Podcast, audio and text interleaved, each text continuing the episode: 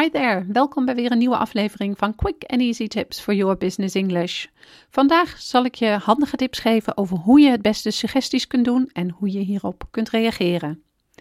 Mijn naam is Anneke Drijven van Improve Your Business English en de auteur van het boek Master Your Business English: Communicate with Power in 7 Simple Steps. Ik help ondernemers en doelgerichte professionals van een middelbare school Engels af, zodat ze ook internationaal, met impact en vol zelfvertrouwen in het Engels kunnen communiceren.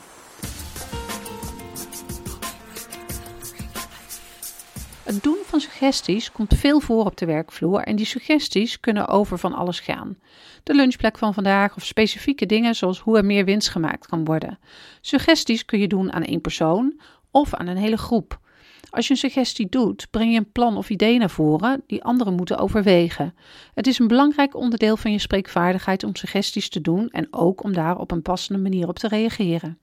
Het doen van suggesties is een belangrijk onderdeel van een vergadering als er een probleem wordt besproken. Problemen wil je natuurlijk het liefst oplossen en het is fijn als iedereen meedenkt en suggesties doet.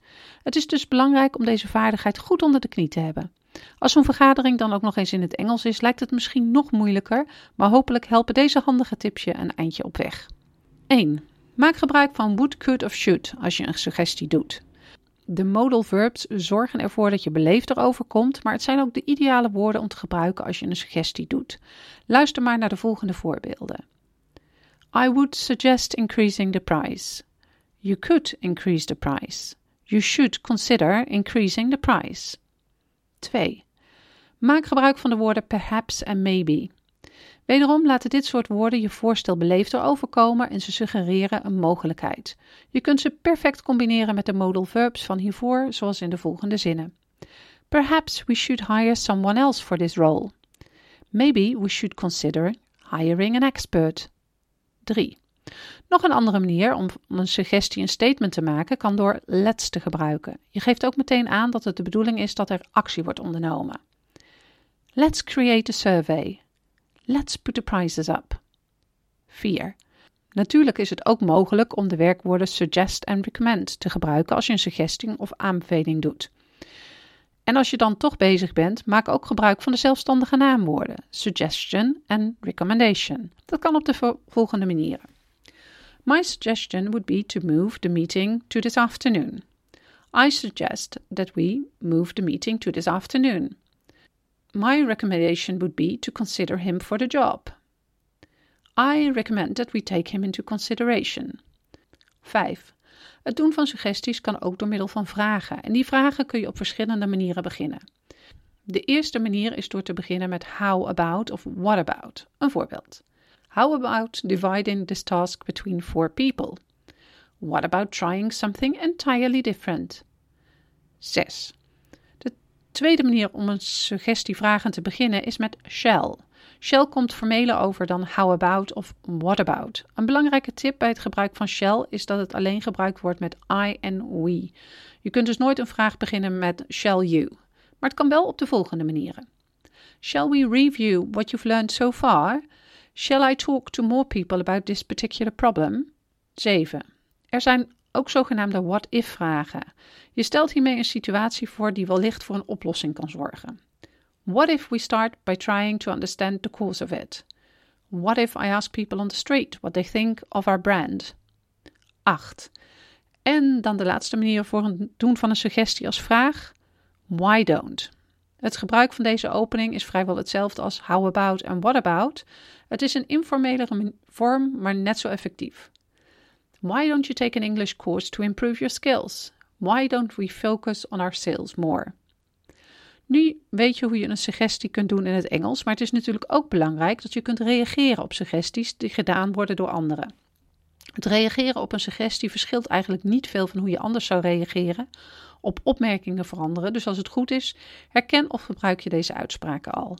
Als je het eens bent met een suggestie die gedaan is en je denkt dat het een goed idee is, kun je op de volgende manieren reageren. Thank you. That sounds like a good idea. Thanks. That's a very good suggestion. Why didn't I think of that? Als er een suggestie wordt gedaan waar je het eigenlijk niet mee eens bent of waarvan je niet overtuigd bent, zijn er natuurlijk andere manieren om te reageren, zoals No, I don't think that's a good idea. Thank you for your suggestion, but I don't feel like this will work. No, I'd rather not do that. Zo, nu heb je alles wat belangrijk is om te weten bij het doen van suggesties op een rijtje. Zoals je hebt gehoord zijn er vele verschillende manieren om een suggestie te doen en de ene manier doet niet onder voor de andere.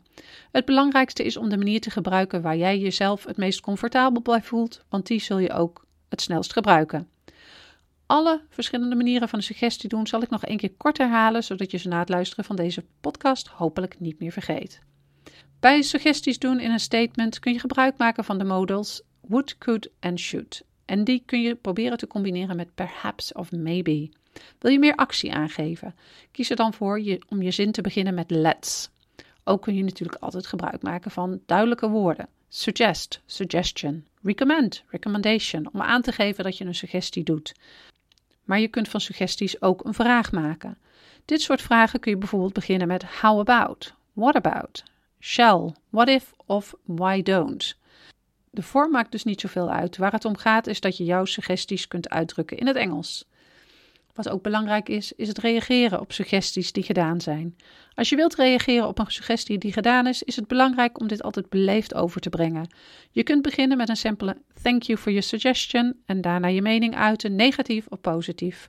Als je een idee afwijst, probeer dan it's a bad idea te vermijden, zodat je niet te hard overkomt. Probeer bijvoorbeeld uitleg te geven bij het afwijzen van een suggestie.